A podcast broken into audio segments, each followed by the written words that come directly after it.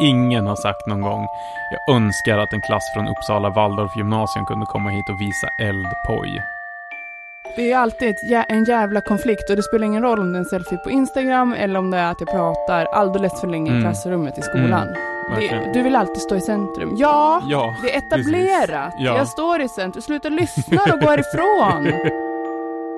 Hur många selfies tror du att August Strindberg hade tagit om han hade levt nu? alltså jag har en teori om att de jobbigaste människorna vi har i samhället det är så medelklassbarn som har fått för mycket uppmärksamhet när de var små av sina föräldrar liksom. Andra människor, de går runt och tror att de finns för att de bara, "Ja, Ja. här, här finns jag, Just jag det. vet det. Just det. Men jag och du, Mm. vi dör om, Ja. inte någon säger, Ja. om inte någon klappar händerna. Hej och välkomna till Mörkret. Sveriges mest omhändertagande podcast för hjärnsnea. Med mig Johan och dig Angelica. Jag var typ 2005, hur gammal var jag då? Kanske 18. Och jag var på Hultsfred. Eh, Det var något succéår innan hela Hultsfredsfestivalen la ner. Eh, Det var på den tiden jag drack, så att vi var väldigt, eh, som slöd, slödder, gick vi omkring där i gyttjan utanför eh, scenerna och utanför festivalområdet. Vi hade precis kommit dit och på väg till tälten så står det en eh, kille som tittar på oss. Alltså han måste ha tagit någonting eller liksom varit, eh, ja han mådde inte bra på något sätt, men han tittar på oss, hade en tidning ihoprullad i ena, i ena handen och sen så sa han så här, du, du, du, medan han slog oss i huvudet med den här tidningen. Du, du är en, en sån där poppare, sa han till min kompis. Och du, du är en sån där hårdrockare. Och så pekade han på mig med tidningen och så bara, men vad fan är du? och så har jag känt, ja, vem fan är jag? Jag, jag hade liksom ingen stil, ingen, ingen persona som jag kände att så här, det här är jag, ingen identitet. Mm.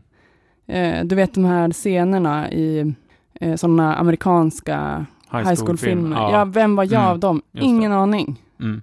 Och så är det nog för många, men jag har känt mig så himla identitetslös liksom, eh, på något vis. Men jag liksom, i och med att idag är jag 31 eh, och jag har ändå känt att jag så här blivit starkare och starkare i mig själv och vem jag är efter liksom, särskilt senaste åren. Och så här, det här är jag. Jag kan vara ganska gränslös, jag tar ganska mycket plats, eh, men jag är också väldigt omtänksam, eh, smart. Alltså jag har liksom så här börjat forma vem jag är, kanske Mm. lite sent Ja. i livet. Eh, men så här, ja, men jag är unik på mitt sätt och jag får vara så. Mm. Jag avbryter mycket, jag tar mycket plats. Mm. Jag har bett om ursäkt för hela mitt liv, jag tänker inte göra det längre. Mm. Och det är en ganska så stor process i mig. Eh, för många år levde jag och försökte anpassa mig. Eh, och då har jag ändå känt det. Då. Ja, jag är ganska unik, känner inte igen mig i så många beskrivningar. Jag känner mig fortfarande som den där som bara, vem fan är du ändå? Mm. Ehm, fram tills häromveckan. Alltså Johan, det är så hemskt. Okej. Jag skrev ju, alltså jag skrev ju till dig på Messenger. Ja. Och jag, alltså jag hade världens kris. ja, just det. Mm. För i eh, Alex och Sigges podcast, en av Sveriges största podcast typ, Mm. eh, väldigt hatad, väldigt älskad podcast, så, så tar de upp en ny sorts filmkaraktär, ett nytt sätt att så här, eh, porträttera kvinnor Mm. som de menar är bara, alltså det är bara reproducera hur man har porträtterat män i populärkultur. Mm. Mm. Eh, och jag tänkte spela upp det. Och att det här är någon slags ny variant. Ofta pratar man om att man porträtterar kvinnor som horor eller madonnor. Ja. Eh, det finns sådana teorier. Eller Mm. också modern Ja. brukar finnas med. Ja. Antingen är de händertagande eller så är det väldigt eh, lössläppt eller så Mm. är du, Mm. ja så. Du kan liksom inte bara vara människa som kvinna i, lit- i litteraturen och i populärkulturen framför allt. Mm. Okej, lyssna nu. Ja. Istället för hora madonnan så har vi snubbelfian å ena sidan. Mm. Som lider extrovert genom svart humor Mm. och har jättestökigt hemma och rufsigt hår. Mm. Den har vi å ena sidan. Den andra stereotypen nu, det är den kvinnan som sammanbitet lider. Exempelvis Handmaid's Tale. Och om jag får gissa här så, så tycker du att du är en snubbelfia alltså? Alltså det här är inte okej. om, om vi ska räkna upp egenskaperna här, det, det är alltså eh, mörk humor, det är ostädat hemma, Lider extrovert. lider extrovert, rufsigt hår. rufsigt hår, snubblig. Ja men jag, jag, alltså, det, eh, jag förstår nu att det kanske låter lite tunt, Mm. men jag, alltså, jag kände bara att jag var copyright på liksom mitt eget liv. Det, alltså, det. Min, det här är min Instagram. Ja. Och jag vet inte, Mm. jag, alltså, jag fick sån kris Johan, att jag bara, Mm. jag lägger ner allt. jag, tänker inte pra, jag tänker inte ha ett narrativ kring mig själv, jag tänker inte Nej. vara en pers person liksom. Nej, så. just det. Och det här är ju jäkligt intressant liksom och vi, vi har ju pratat en del om det här efter att du fick din kris, även om jag inte hade hört, jag hade inte hört den här definitionen av vem en snubbelfia är. Eh, men det är ju intressant att vi har ju alltid på något sätt dessa eh, narrativ, alltså på sätt och vis kan man ju säga att, att kärnan i, i vem man är som person, eller jag skulle snarare säga att det finns en sorts avsaknad av en så här verklig hållbar kärna och istället så har vi en mängd olika narrativ kring vem vi är liksom. Alltså vi berättar hela tiden dessa historier om oss själva på olika sätt. Men varför då? Är inte det ganska tröttsamt? Ja, fast frågan är vad alternativet är. Är alternativet så att säga att, um, att vara... Ja, alltså alternativet är väl på något sätt att bli någon sån här buddhistisk munk som liksom försöker uppnå en, en insikt om att jaget inte riktigt existerar och att, och att man är mycket mer en del av, av världsalltet så att säga. Fast jag tänker mer typ, alltså om man är vuxen, Mm. du har alltså byggt, din, man blir aldrig klar, men Nej. du, har, du är ju inte i puberteten längre liksom. Nej, nej. Alltså räcker det inte då, liksom så som vuxna pratar när man var liten så här, alltså det är viktigt, jag är, hur är jag? Jag är snäll, Mm. eh, jag är omtänksam, jag, Mm. är, jag är dedikerad i det jag gör. Mm. Alltså sådana grejer. Ja, just det. Nej men nu måste du liksom vara, Ja, alltså vi lever ju i en tid där vi, där vi på något sätt bygger oss själva som varumärken hela tiden. Alltså man pratar ju om den här, om vår tid som typ den kommunikativa kapitalismen liksom. Och, och där vi hela tiden måste sälja oss själva, vår personlighet som ett varumärke på något sätt liksom. Vilket gör det ännu, alltså att för många av oss, alltså jag tror fortfarande, alltså så här, folk som fortfarande i min ålder, men som så här blev kvar, alltså det låter så föraktfullt att säga så, men så här, folk som blev kvar hemma i Oxelösund, eh, och typ så här skaffade barn ganska tidigt, kanske inne på sin första skilsmässa redan nu, har liksom hela vov, Volvo villa-livet liksom. mm. Eh, för dem kanske det inte är så jäkla viktigt. De bygger nog mycket fortfarande sin identitet på så här, ja, jag är en mamma. Alltså kolla deras, eh, deras Instagram eller så, vad de skriver i, i den här lilla bion liksom. Eh, mamma till Paulus, typ. Jag vet inte. ja. Eh, Men liksom för oss som- på något sätt är så här, vi är ju båda typ kreativa människor eh, ehm, i eh, två av Sveriges större städer och så. Vi förväntar ju också sälj, liksom sälja oss själva och jag har funderat mycket på det här med uppmärksamhet och vi har snackat om det här med typ så här uppmärksamhetssökande och så, att det är väldigt eh, föraktat av många, men samtidigt så måste man ju fatta att för typ vår generation och kanske ännu mer för generationerna som är lite yngre än oss, då är ju uppmärksamhet också hårdvaluta. Mm. Alltså det behöver ju inte, det behöver inte bara vara så att du är en influencer eller en youtuber eller något sånt som faktiskt tjänar ditt levebröd på andras uppmärksamhet, men även för mig, liksom så här, mina skrivgig och så har ju jag fått för att folk har sett saker som jag har skrivit i sociala medier och så. Jag har fått alla mina jobb Ja. på grund av den person som folk tror att jag Ja. är via sociala medier. Ja. Och så är det ju, och, och det märker man ju också. Eh, att det finns en, ett, en jävla press att liksom skapa ett narrativ ehm, kring sig själv och vem man är som person och vilken så här, persona som man vill eh, vara utåt och så. Jag brukar ju snacka om det ibland när jag har haft så här kurser i liksom, ja, sociala medier för eh, civilsamhället och så. Att så här, ja, men det viktigaste för att bli stor eh, på sociala medier det är att du skaffar en personlig röst liksom. Men vem är du då? Menar du vem jag är, vad som är liksom kärnan i min identitet, eller menar du vem är du på eh, sociala är, medier. vem är ordförande Johan? Du har ju Ja. stora konton liksom. Ja. ja, men jag tror att det är två helt olika frågor.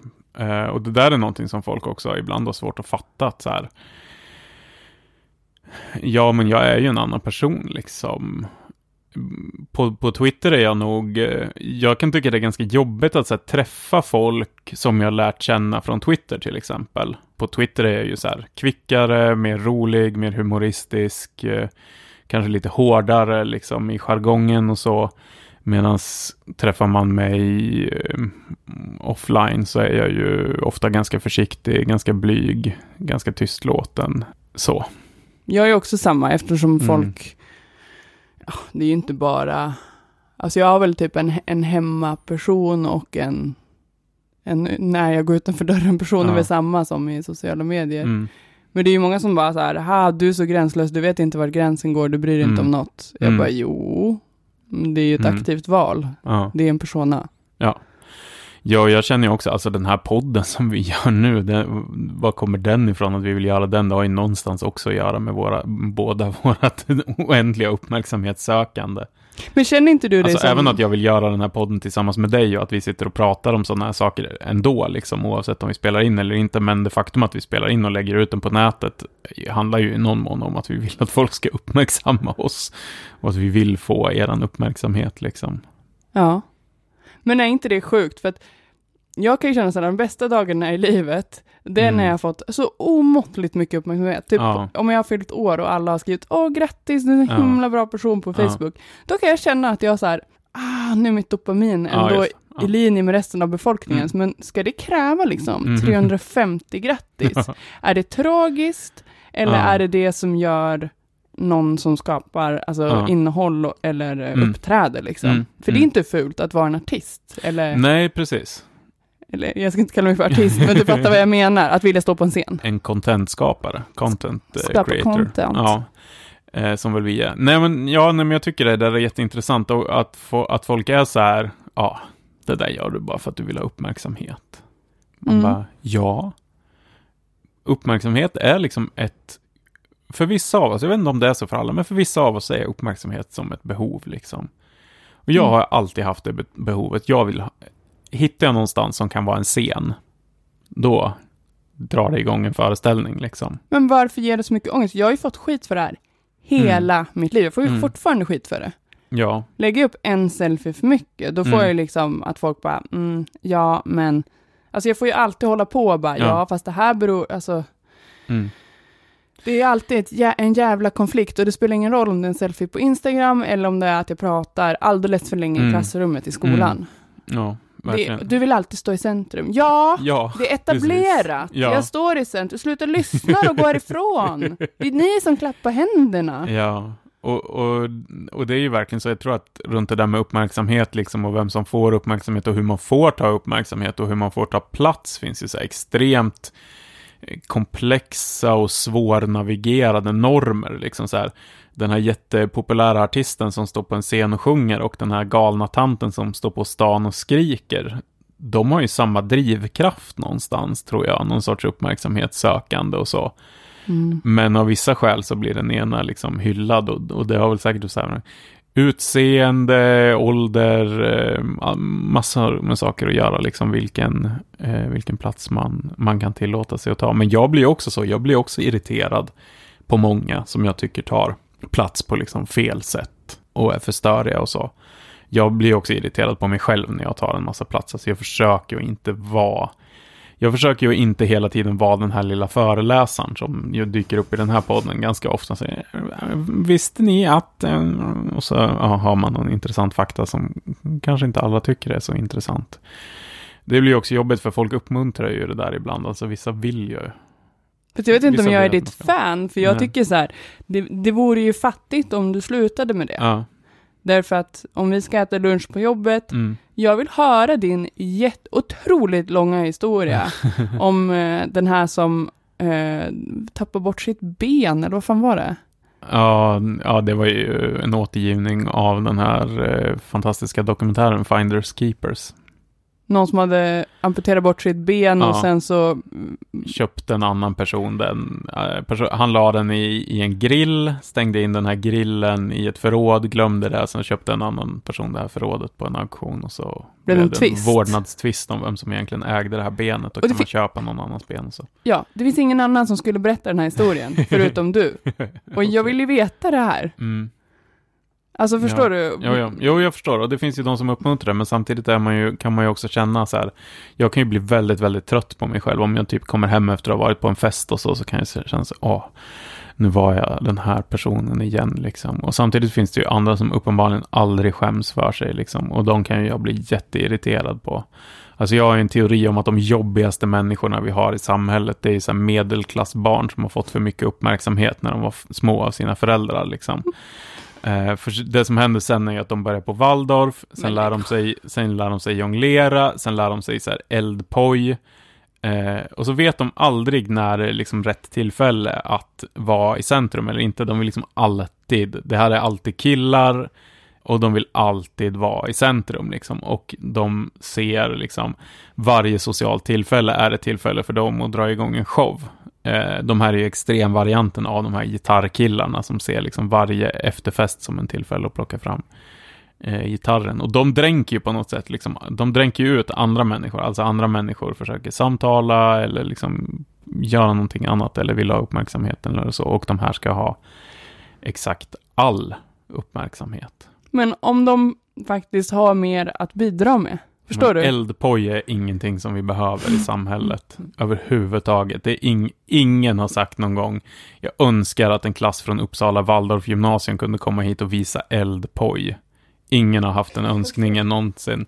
Det är bara de så barn med akademikerföräldrar som har typ applåderat åt allt de har gjort under barndomen som tror att det här är någonting eh, som efterfrågas. Vad var det du kallade dem, som din kompis hade sagt? Någonting med cirkustendenser. Ja, gotare med cirkustendens. Det var tydligen en ganska stark, under den perioden, ganska stark så här, subkultur i eh, Söderhamn. Alltså i Eh, Umeå också, jag växte ja. upp bland de här. Jag var jätteledsen eh, över att inte jag fick, eh, vet du det, blåsa eld. Just För det gjorde alla andra.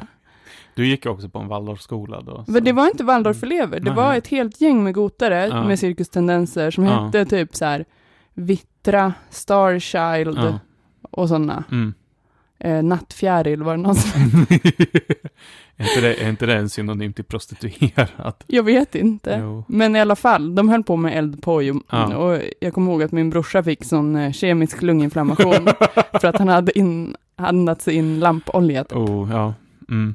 Eh, Ja, men det blir ju så, man träffar också många som har så här, typ gått på teater när de var barn och så. Och vissa av dem är jättehärliga människor och sen är det vissa som inte vet hur mycket plats man ska ta. Och då känner jag alltid så här, fan, är jag också en av de här egentligen? Alltså det är så jag känner så när jag kommit hem från, från den där festen och bara, hur mycket plats tog jag egentligen? Var någon egentligen intresserad av det jag pratade om? Hur liksom bullrig och högljudd och hur högt var mitt skratt?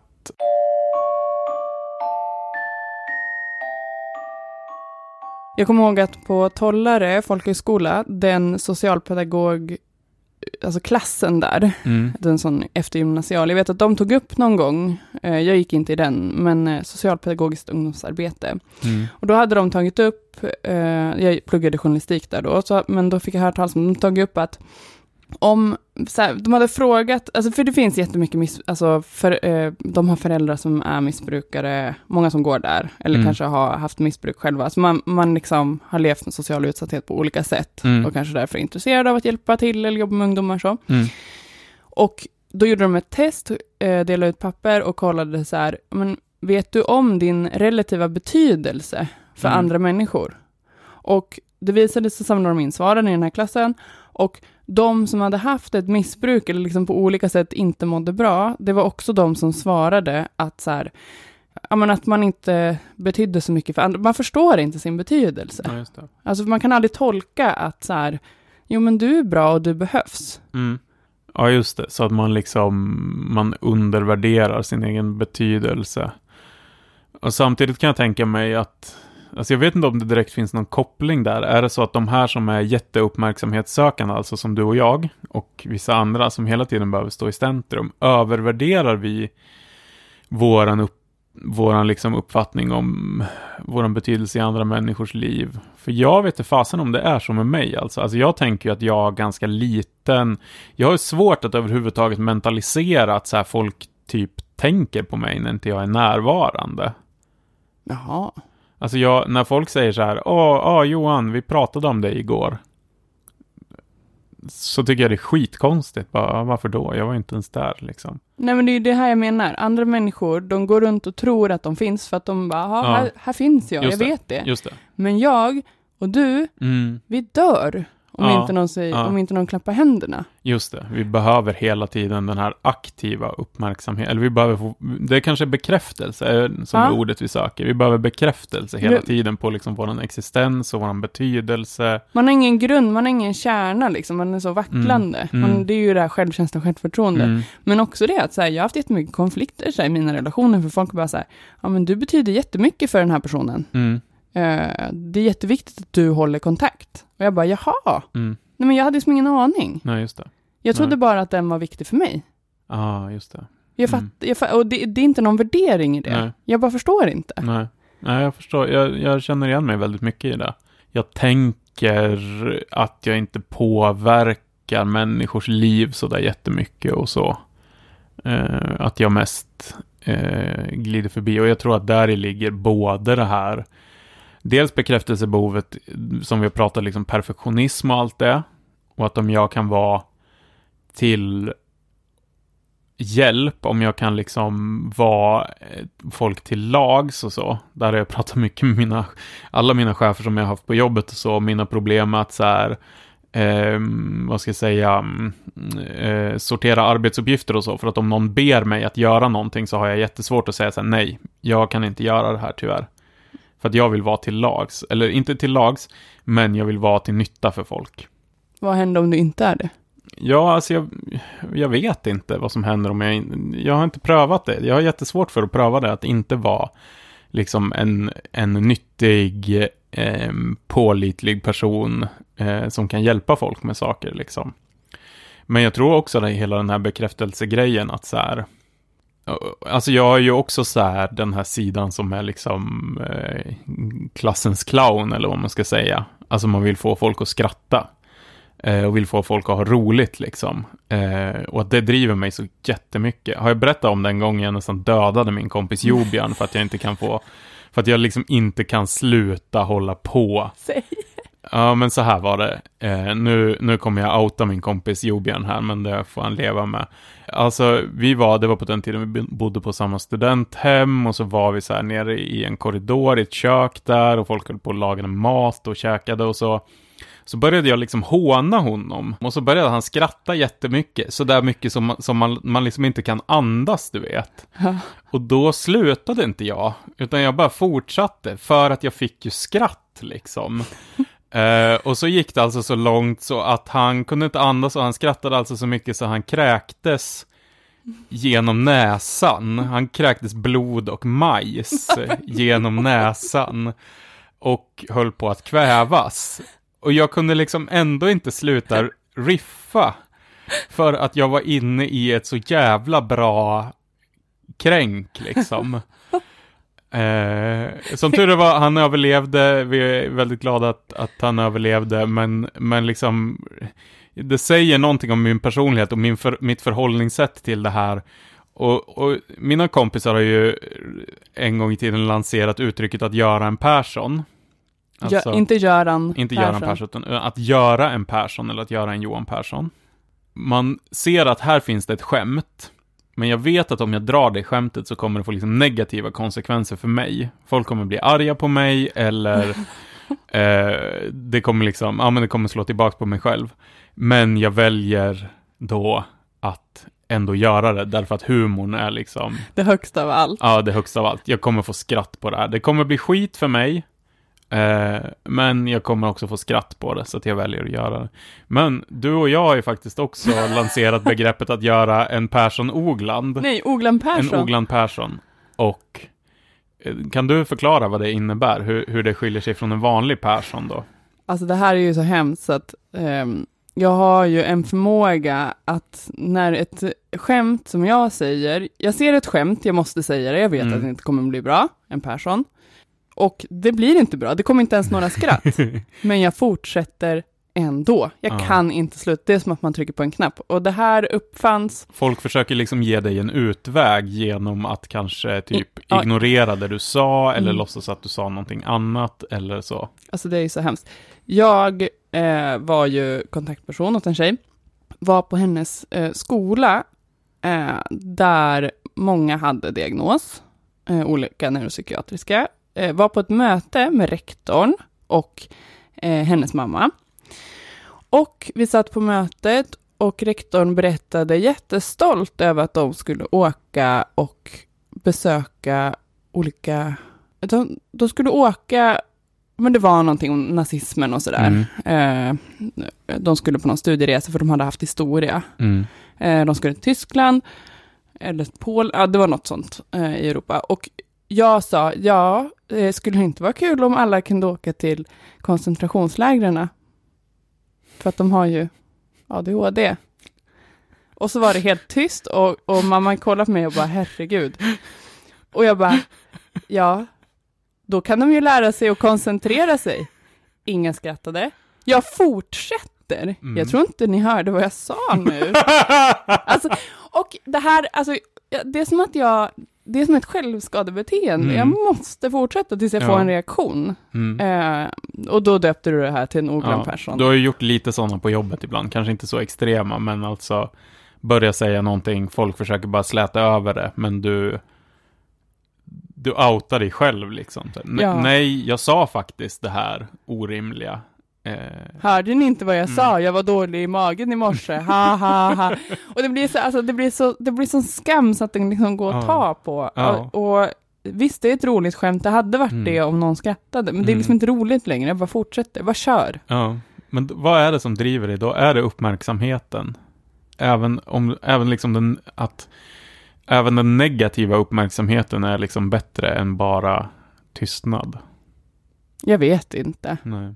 Ja, jag tror att jag ser en gräns. Ja. Och jag måste liksom passera måste den. För, för det är också, det är liksom samma störning. Ja. Och, så, och så, barn, alltså barn eh, testar ju gränser i treårsåldern. Jag har liksom Mm. aldrig slutat med det. Det är som att jag hela tiden vill ha ett nej. Och det, jag har haft en jättebra uppfostran. Jag har fått jättemånga tydliga nej. Det är Mm. inte det att jag liksom är anknytningsstörd. Ja. Men det är som att jag fortsätter i alla relationer, på alla arbetsplatser överallt. Mm. Som att jag liksom så här bränner till slutet, tills någon ska Mm. bara stopp, nu är allt kört. Först Just då det. kan jag liksom slappna av. Just det, du måste alltid testa. Är det också därför som du typ tvingade din chef att ta foton på dig när du låg på golvet i fosterställning på jobbet och grät? Jag, jag, nu gjorde jag inte det på riktigt, men jag tänkte Jo. så här, jag grät ju inte, men jag, Nej, men du jag låg på golvet och sa, jag orkar inte jobba Mm. mer. Ta foton på Haha, mig. ta ett kort med mig.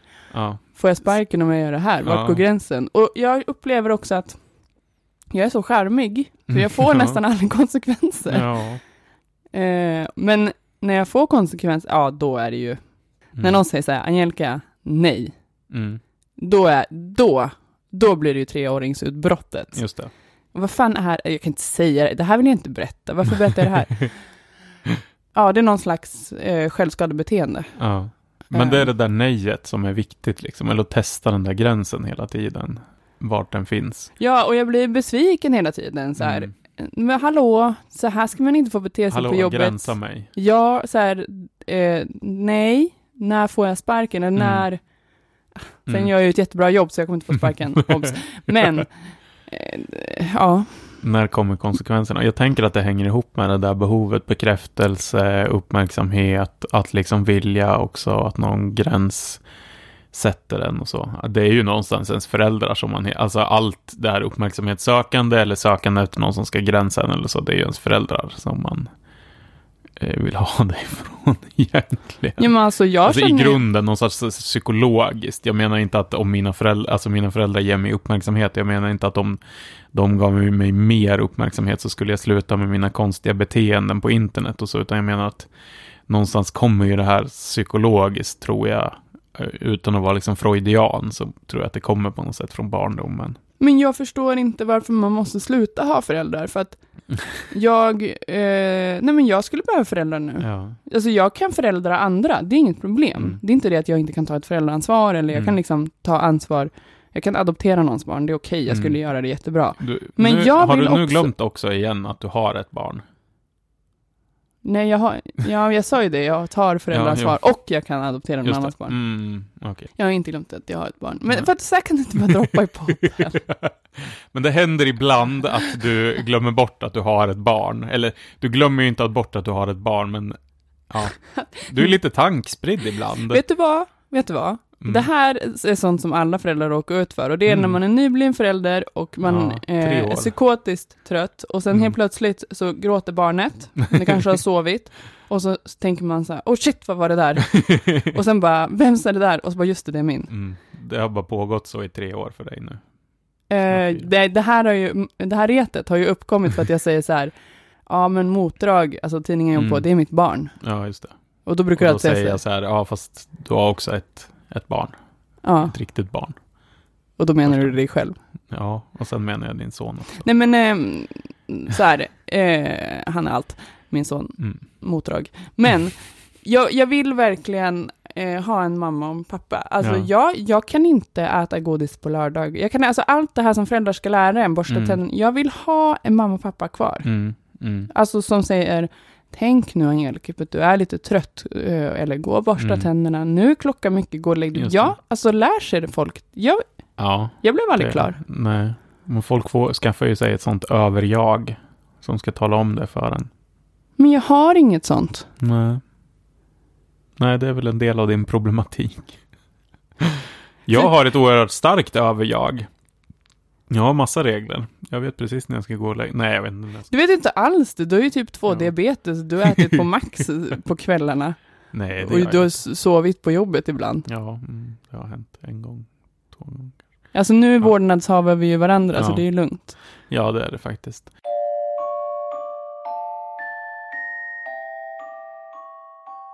Nej, men, men jag tror också att för mig, det här med liksom uppmärksamhetsbehovet och så, det, det är ju också så att man någonstans, åtminstone jag, tar ju liksom hellre negativ uppmärksamhet än ingen uppmärksamhet alls. Alltså jag tror ju 100% är därför som jag typ bråkar så mycket med folk på nätet och så. Dels är det ju, jag bråkar med folk på nätet för att jag blir så orimligt arg. Och jag har ju också försökt sluta med det här, för jag försökte ju bestämma att jag skulle sluta tuffa mig på nätet. Det har ju gått sådär liksom. Men, men jag tror också en, en anledning till att jag håller på och retar folk, eh, bråkar med folk och så, är liksom bara för att även den negativa uppmärksamheten är liksom, det ger en, en rush liksom, en adrenalindusch, om du fattar vad jag menar. Mm. När någon blir arg på en, då kan jag känna så här. Du är som en, ett syskon liksom, ja, fast till alla. ja, Och alla bara, kan någon ta ut honom härifrån? ja. Sluta retas. Han bara håller på och petar. Man Ja. liksom smyger fram och bara petar Ja. för att få en ilskereaktion liksom. Men det, det där, varför? Ja, det, det är ju någonting med, med den där uppmärksamheten. Jag tror vi var någonstans på spåren när du och jag pratade om att så här, vi kanske inte riktigt känner att vi... Vi känner inte naturligt den där eh, bekräftelsen av liksom att vi är betydelsefulla i andras liv, att vi finns i andras liv. Och då börjar vi podda istället. Så är det alla som har en podd har en störning i sitt liv som gör att de inte känner sig bekräftade. Men fast, Tillräckligt bekräftade. vet du vilka som, vet du vilka som vet vart gränsen går, vet vad man får och inte får göra, men Mm. ändå gör det? Och känner så här, haha, det är ju sociopater. Ja. Men de, ja, ja, nej men jag tror sociopater är väl i regel ganska så här oberoende av andra människors input. De behöver inte bekräftelse, de skiter i det. De använder människor som liksom Redskap. redskap för att uppnå det de vill. För du, för du, om du, om du sårar någon, Mm. då tar det ändå stopp. Ja. Alltså jag Vi tycker, kanske ju, klipper bort det här. jag tycker ju att det är genuint jobbigt när folk blir ledsna. Ja. Alltså jag har ju haft sådana situationer när jag har haft orimligt roligt åt att trolla folk på Facebook till exempel. Mm. Eh, och fått jätteroliga reaktioner och sen har folk varit så här, jag blir genuint ledsen. Och vad fan ska jag säga då? För jag är ju inte en sociopat liksom. Då, alltså jag tycker ju det är kul när de blir arga på mig. Eller när de blir konfunderade när de inte fattar vad jag håller på med. Men är så här, nu blir jag bara ledsen.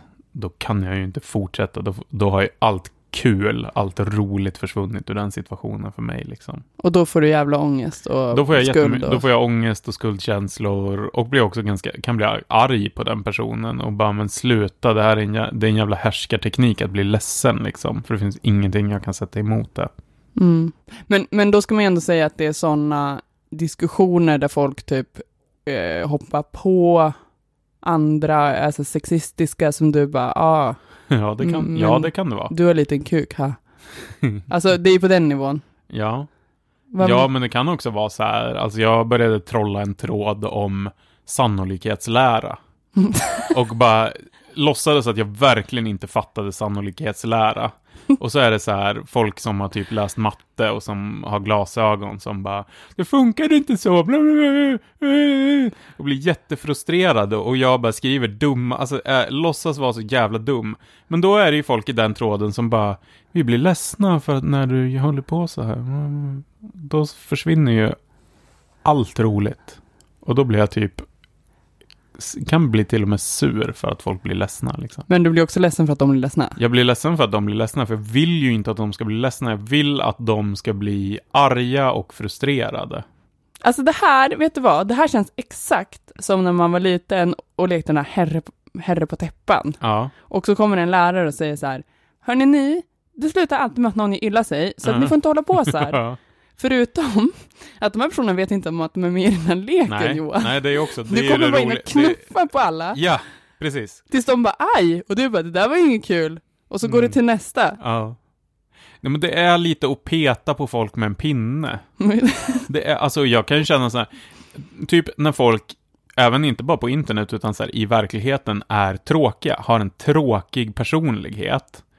Då känner ju jag ett enormt behov av att så här peta på dem med en pinne tills de reagerar. Alltså så här störa dem på olika sätt. Säga så här konstiga saker. ja, Eh, man får Tourette. ja, vara jobbig.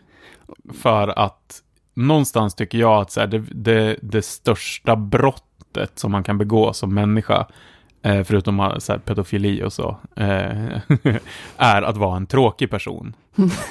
Jag blir extremt frustrerad när människor är så här genuint tråkiga.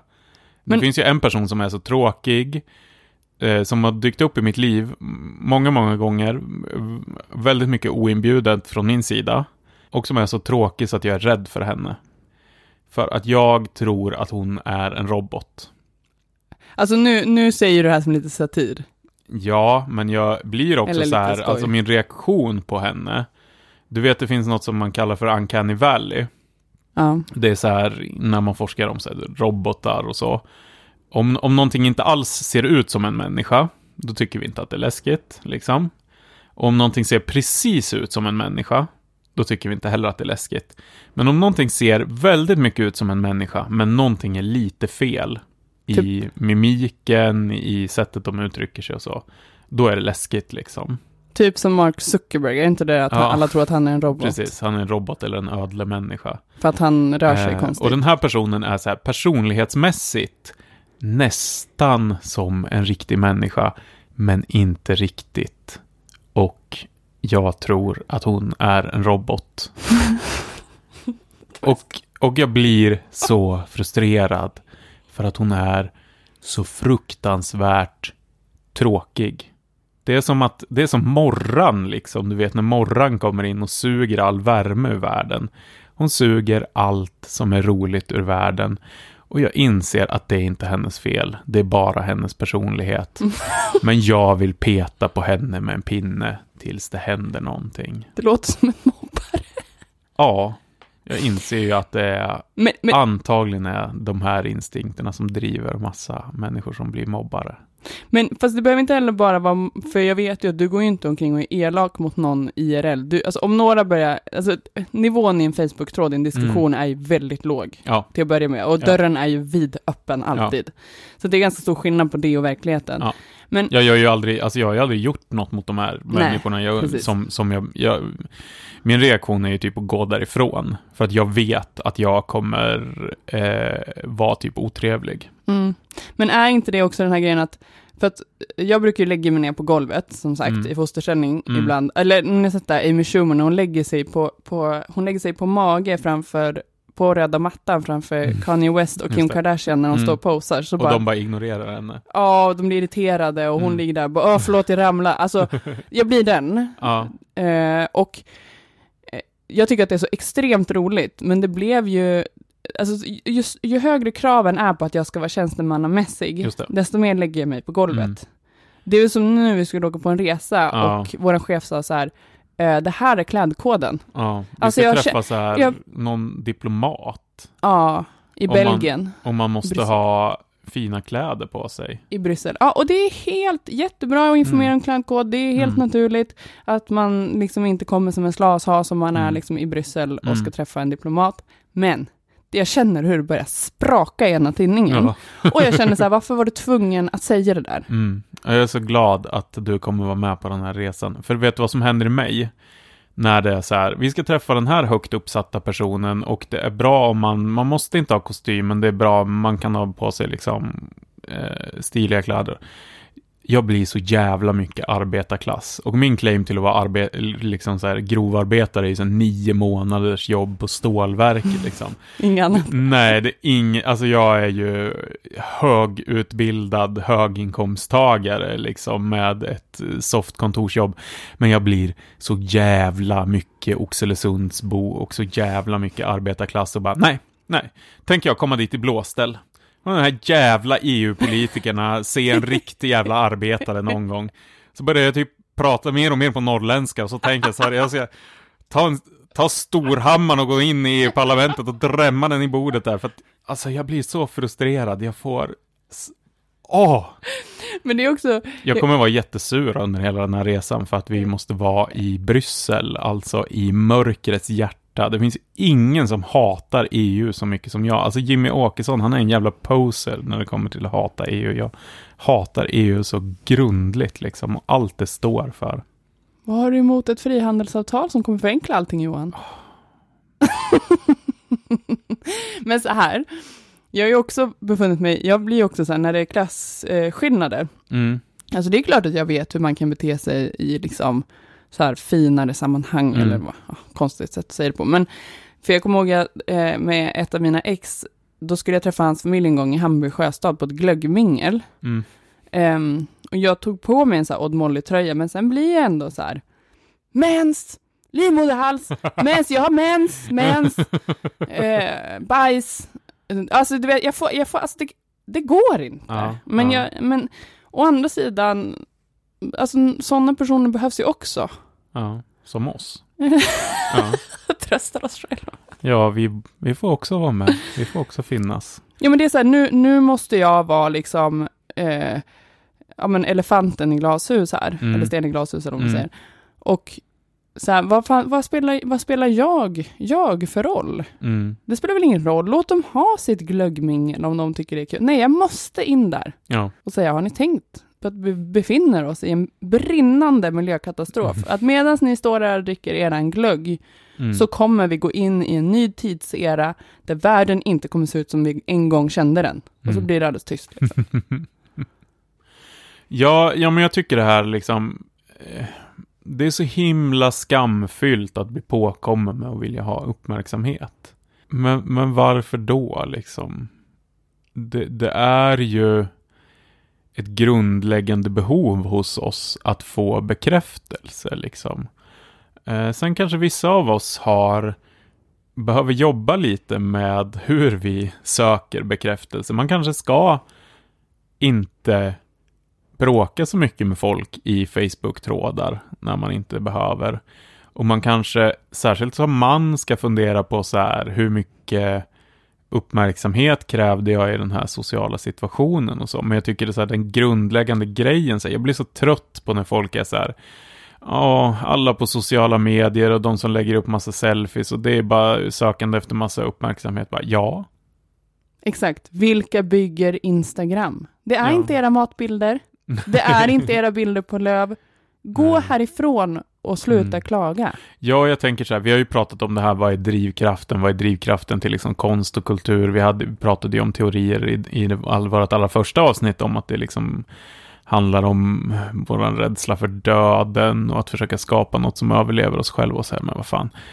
Massor av våran kultur, våran litteratur, våran konst, våran musik och så skapas ju av människor som vill ha uppmärksamhet.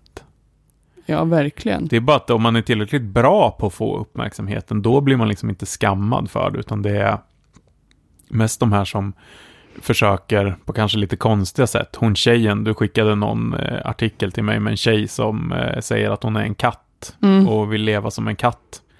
Och då sa jag så här, ja, där har vi en som söker uppmärksamhet, Mm. eh, vilket ju är sant. Men Men inte... om hon hade gjort något så här jättekonstigt performance-konstverk där hon ska leva som en katt i tolv månader eller något sånt, då hade ju folk typ skrivit om det i eh, tråkiga tidningar för eh, kulturkoftor liksom. Mm. Men nu blir, är hon ju någon sorts knäpp arbetarklass tjej som bara blir liksom hånad, även hånad av mig. Hur många selfies tror du att August Strindberg hade tagit om han hade levt nu? ja. ja, precis. Att vilja ha uppmärksamhet är så jävla svårt för vi måste hela tiden balansera en massa regler för liksom hur man får eh, söka uppmärksamhet. Men du eh, Snubbelfia, nu tänkte att vi skulle ta och eh, avrunda för idag. Ska vi säga, eh, du kan lyssna på oss på Instagram. Nej, det ska vi, Vi inte säga. vi blajar på Instagram! Nej, det ska vi inte säga, för man kan inte alls lyssna på oss på. Instagram. Jo, på video. Säg på sociala medier så Mm. nu ramlar jag ihop. Efter det här avsnittet kanske ni blir nyfikna på hur eh, vi beter oss i sociala medier. Då kan ni följa mig på Twitter på att ordförande Johan och Angelica på Instagram eh, där hon heter Angelica Ogland. Ni kan också följa våran Facebook-sida som heter Mörkret Podcast och ni får jättegärna lämna en recension och ett betyg på iTunes eller berätta om podden för era vänner.